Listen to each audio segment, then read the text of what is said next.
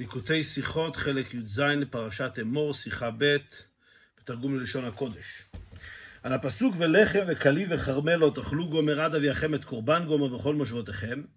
פירש רש"י, בכל מושבותיכם נחלקו בו חכמי ישראל. יש לנו מכאן שחדש נוהג בחוץ על הארץ. ויש אומרים לו, בא אל הלמד שלא נצטוו על החדש, אלא לאחר ירושה וישיבה משכבשו וחילקו. אם כן, התורה מדברת על איסור חדש, שהוא אה, האיסור לאכול מהתבואה החדשה עד זמן הקרבת העומר. רק מיום הקרבת העומר אפשר לאכול את התבואה של השנה החדשה. נאמר הפסוק הזה, אז ולחם וכלי וחמל לא תאכלו, עד אביאכם את קורבן אלוקיכם, בכל מושבותיכם. מה הפירוש בכל מושבותיכם? אומר רש"י, נחלקו בו חכמי ישראל.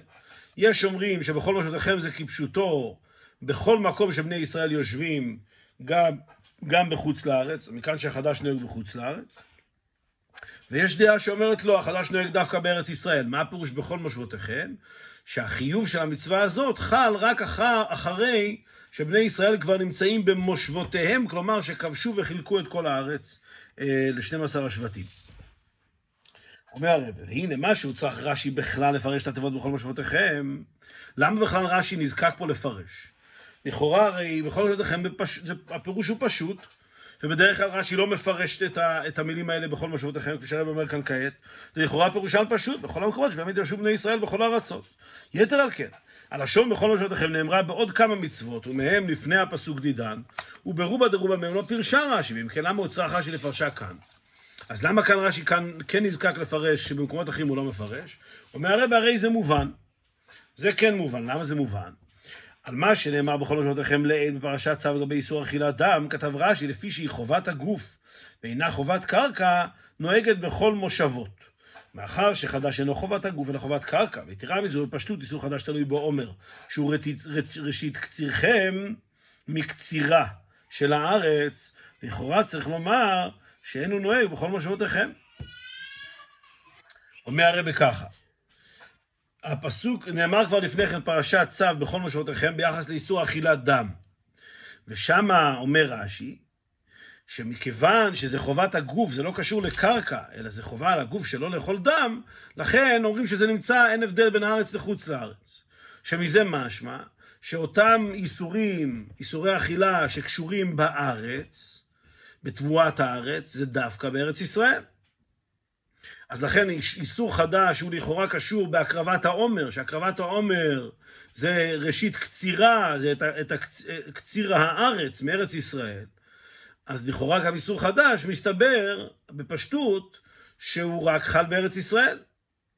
ולכן מרגע שהתורה כותבת בכל מושבותיכם, צריך להסביר מה הפירוש בכל מושבותיכם. אז רש"י מביא את שני הפירושים, או שזה בכל מושבותיכם, שהתורה באמת מחדשת את זה גם בחוץ לארץ, אף על פי שזה קשור לענייני הקרקע של ארץ ישראל.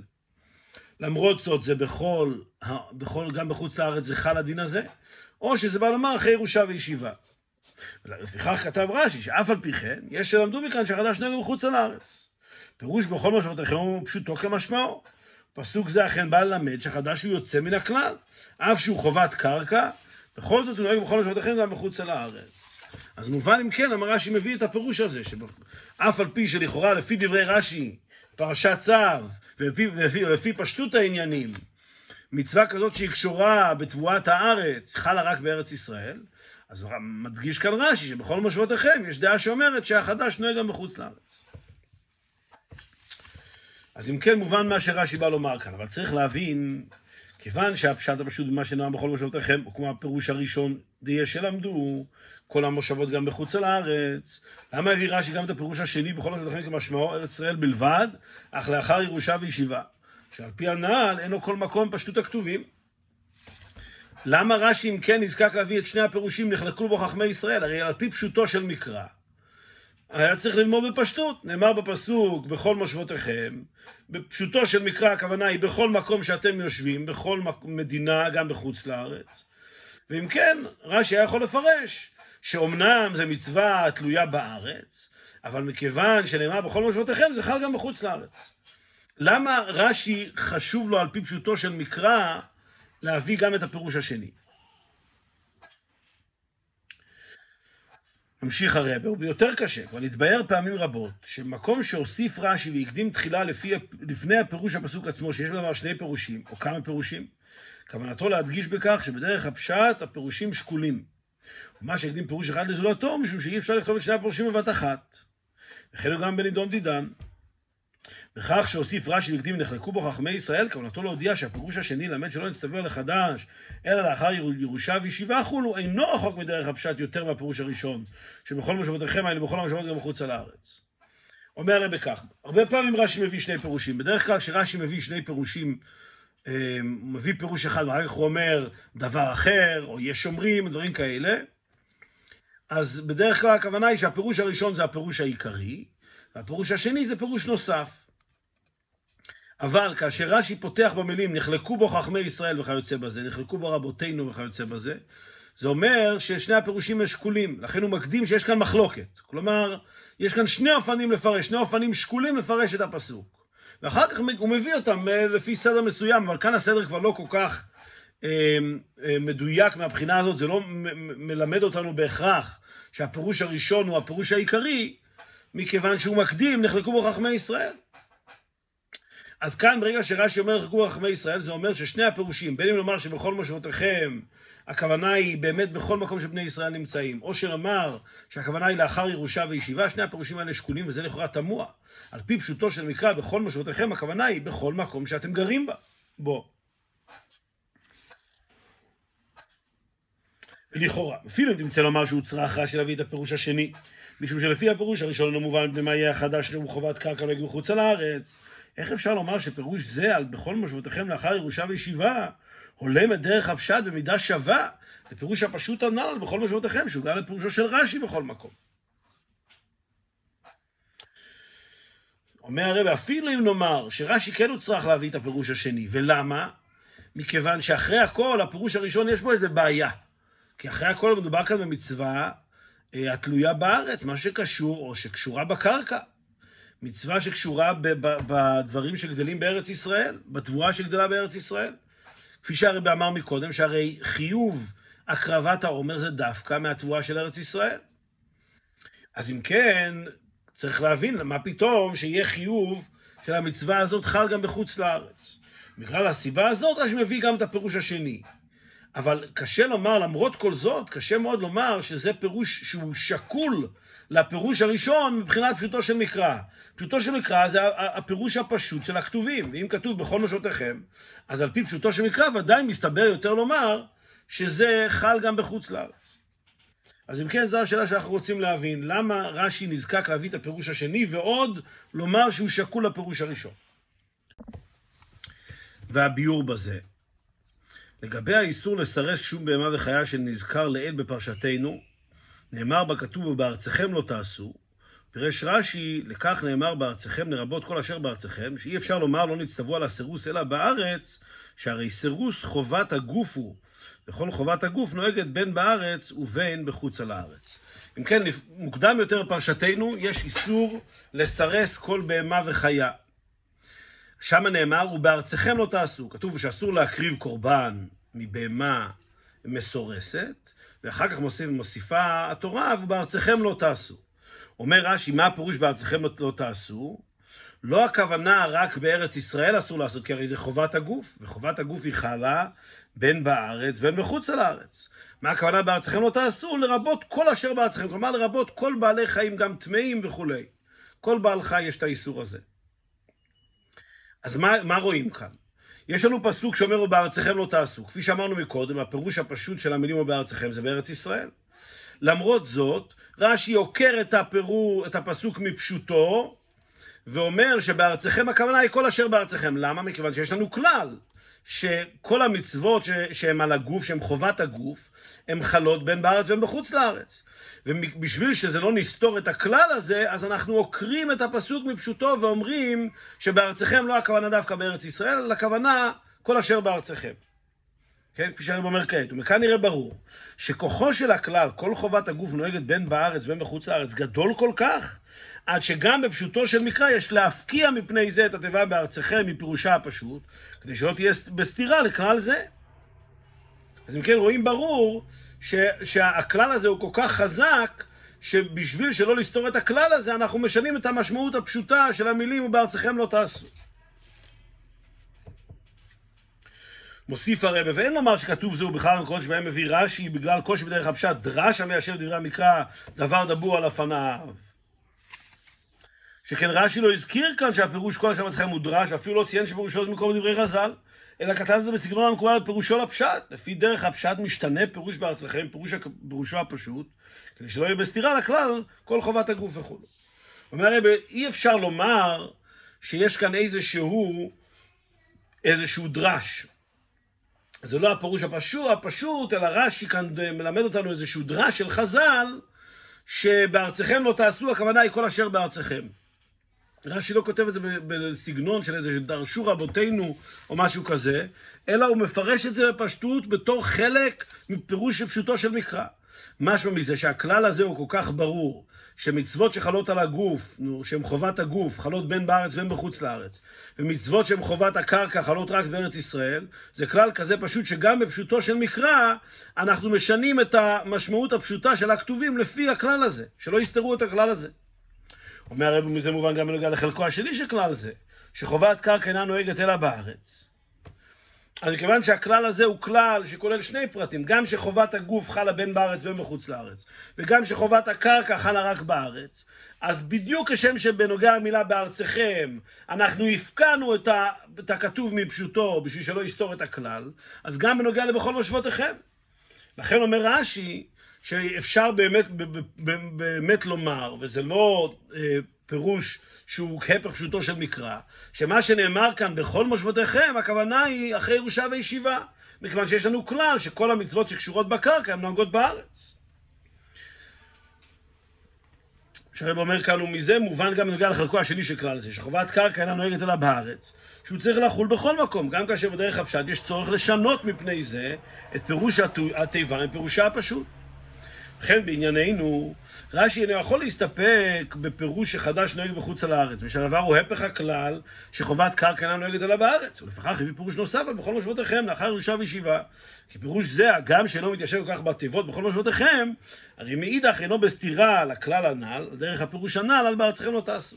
אם כן, כעת מובן, למה הפירוש השני של רש"י, שבכל מושבותיכם הכוונה היא רק אחרי ירושה וישיבה, וישיבה הוא כן מתאים לפשוטו של מקרא, מכיוון שאמרנו שהכלל הזה הוא כלל שהוא חזק גם בפשוטו של מקרא, שכל המצוות הקשורות בקרקע הן חלות רק בארץ.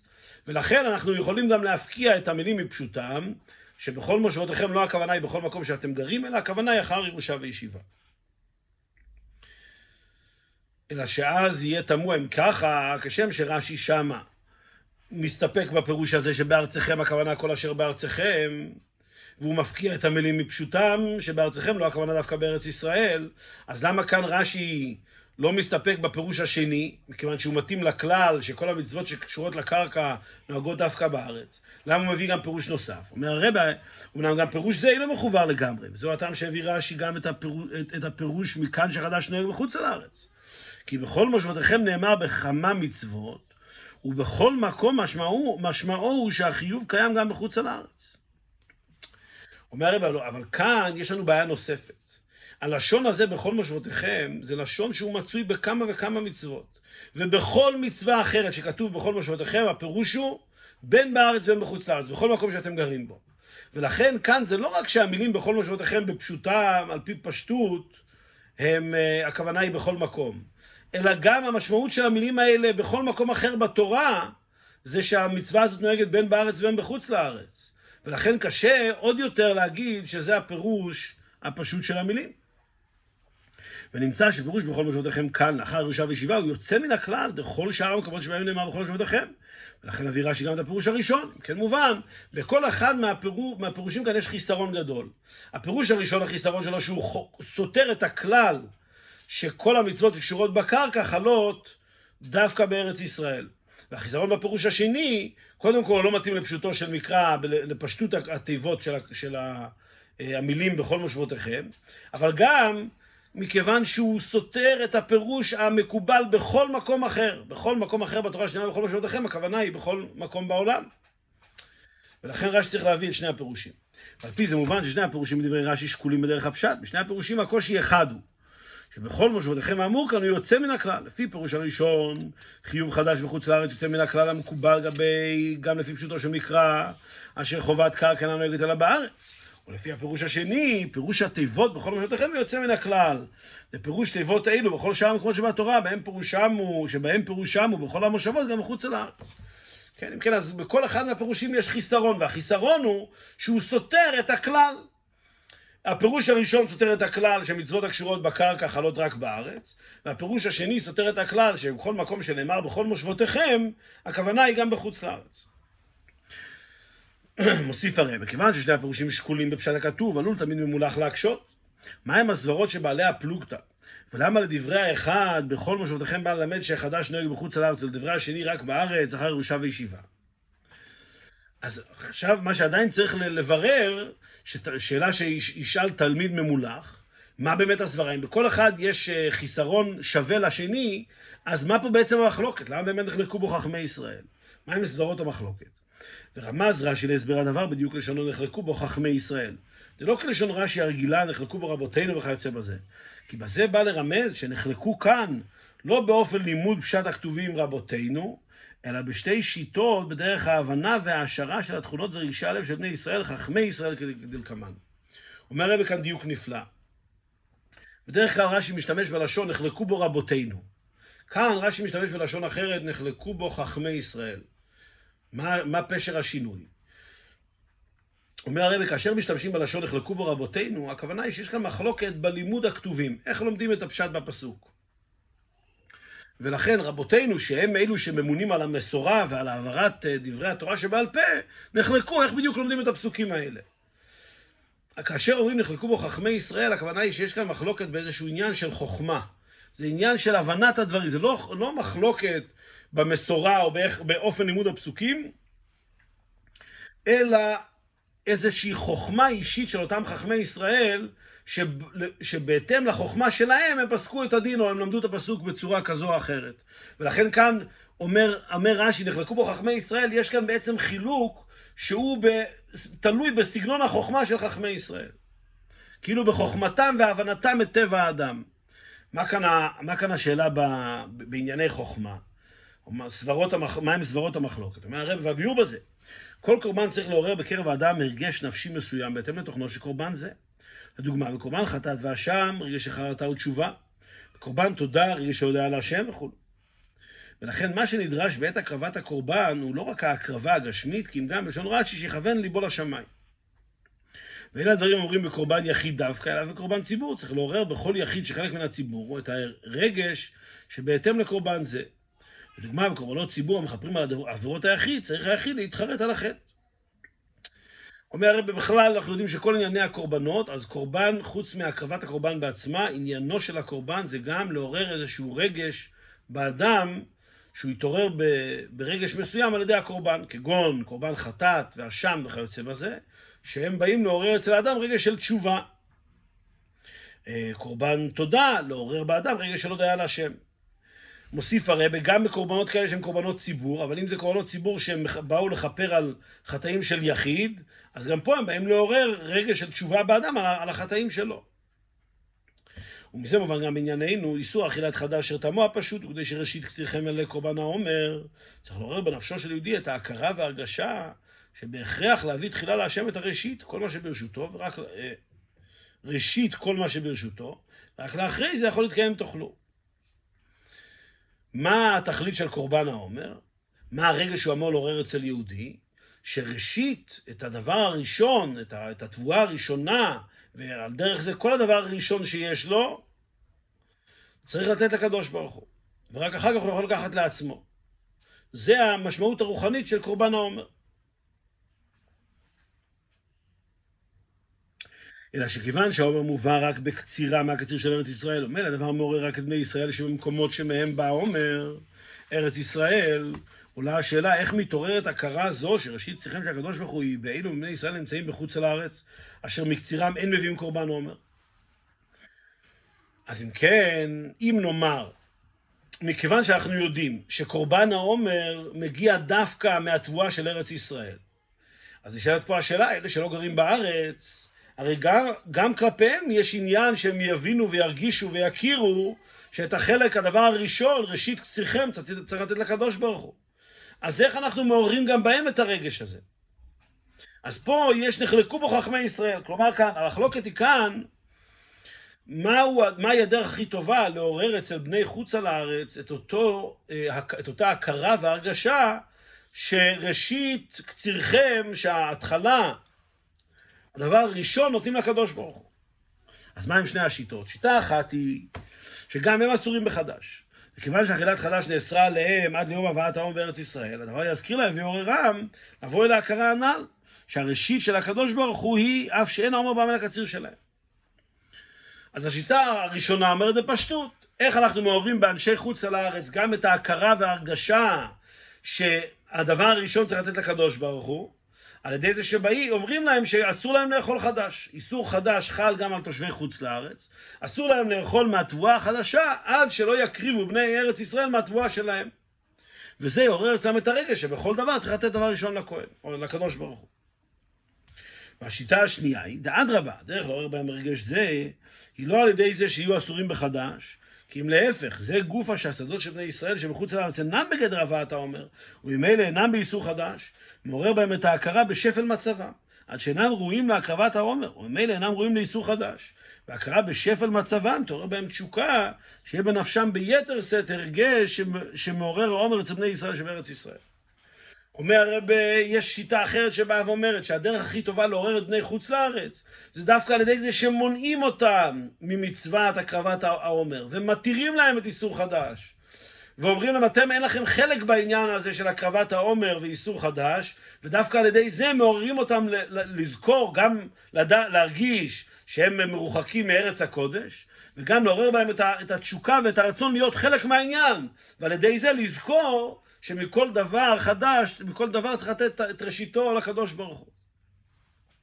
אם נחשוב על זה, זה בעצם, זה שני אופנים כלליים, איך מעוררים אצל אדם תשוקה ורצון להתקרב למשהו.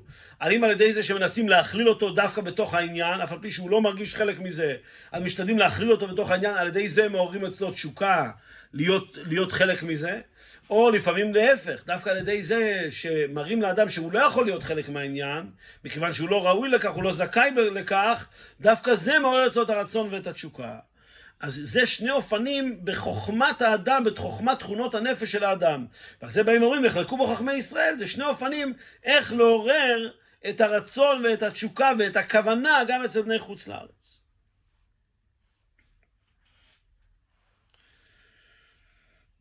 על פי הנ"ל יש לבאר גם פנימיות העניינים, את הטעם שהקדים רש"י את הפירוש החדש נוהג בחוץ לארץ, הפירוש החדש לא נוהג אלא בארץ.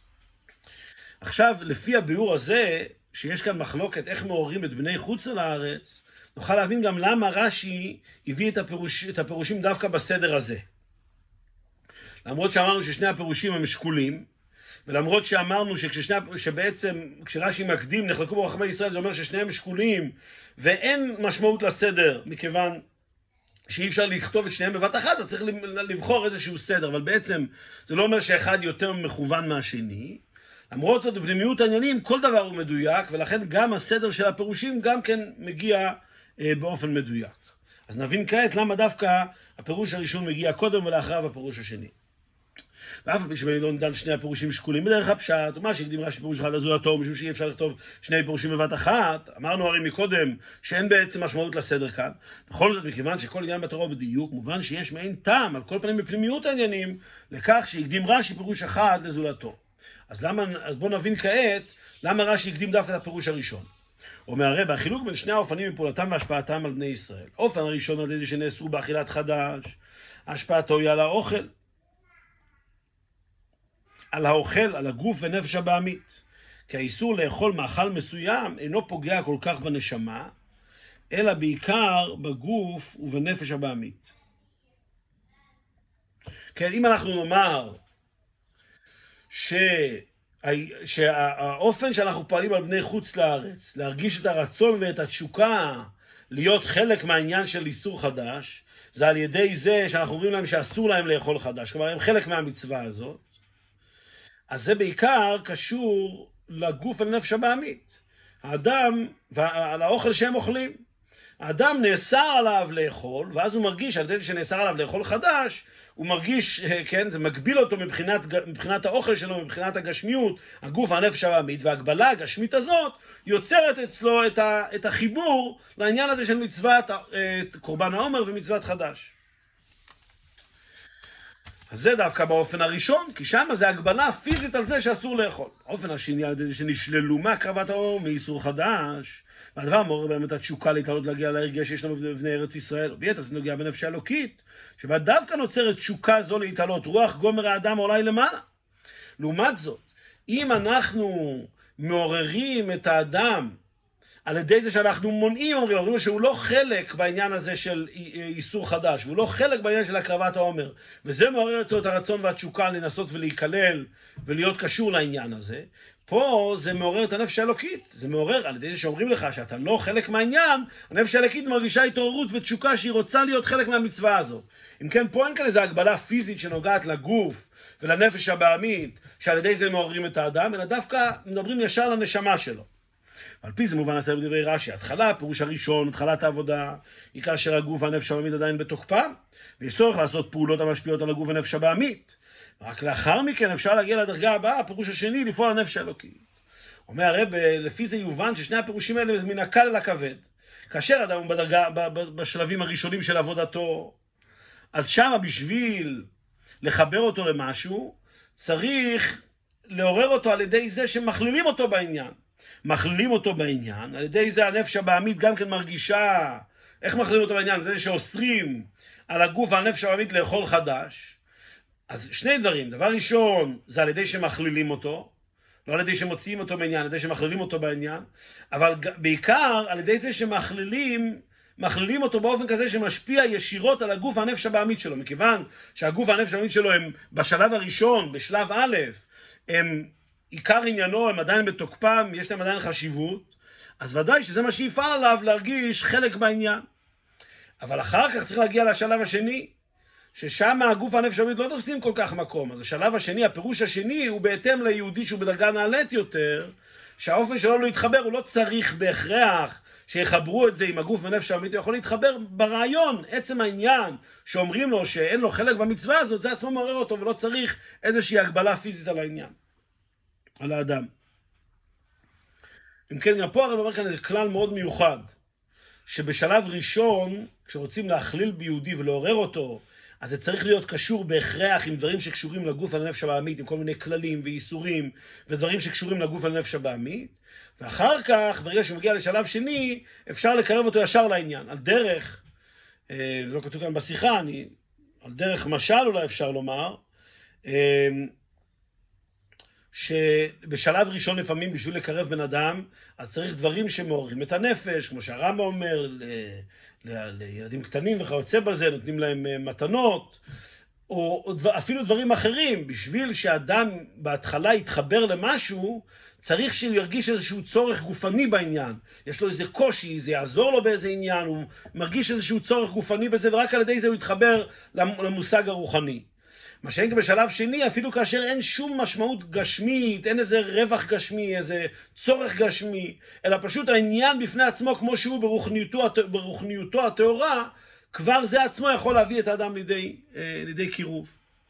אז זה בעצם שני הדברים. איך אנחנו מקרבים את אנשי חוץ לארץ? הפירוש הראשון זה על ידי שאנחנו קבענו להם חוקים שקשורים לגוף ולנפש הבעמית שאסור להם לאכול, ועל ידי זה הם מתעוררים. והפירוש השני, השלב השני, זה כאשר הם יודעים שאין להם חלק במצווה, זה עצמו מעורר אותם, שזה קשור בעיקר לנפש האלוקית. מוסיף הרבה.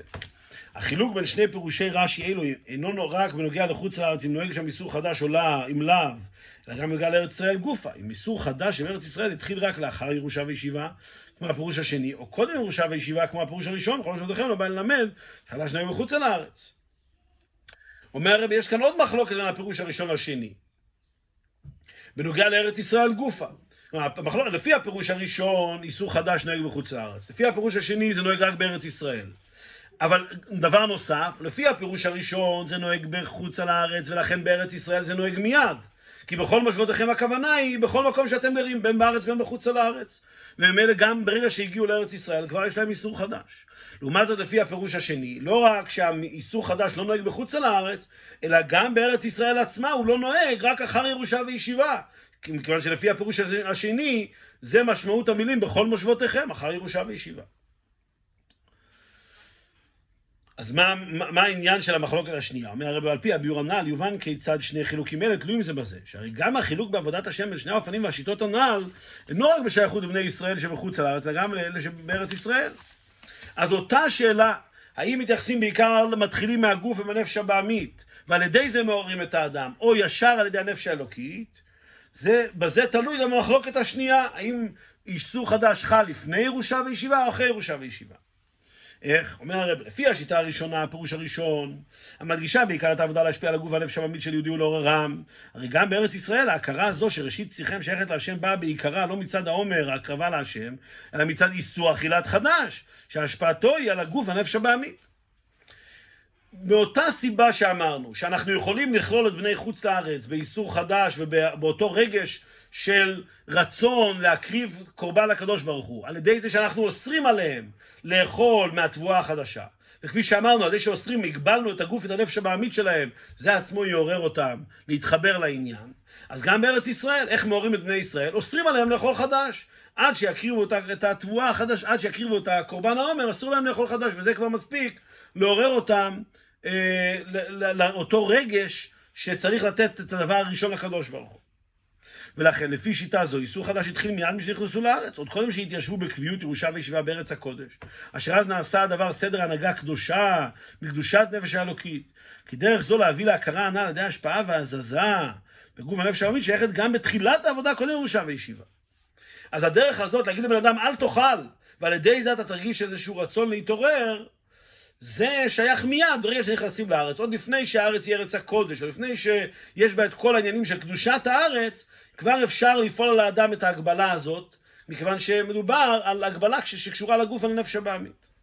מה שאין כאן לפי השיטה השנייה. מה שאין כאן לפי השיטה השנייה אנחנו הסברנו שכל המושג של קורבן העומר ואיסור חדש זה דבר שבא יותר לנפש האלוקית, מדבר על הקדושה של האדם. מכיוון שזה בא לדבר על הקדושה של האדם זה רק שייך לאחר ירושה וישיבה. מה שאין כאן לפי השיטה השנייה שהדבר העיקרי מביא את בני ישראל להכרה הנ"ל היא הקרבת העומר שהשפעתה היא על הנפש האלוקית אין דבר זה אפשרי אלא לאחר ירושה וישיבה.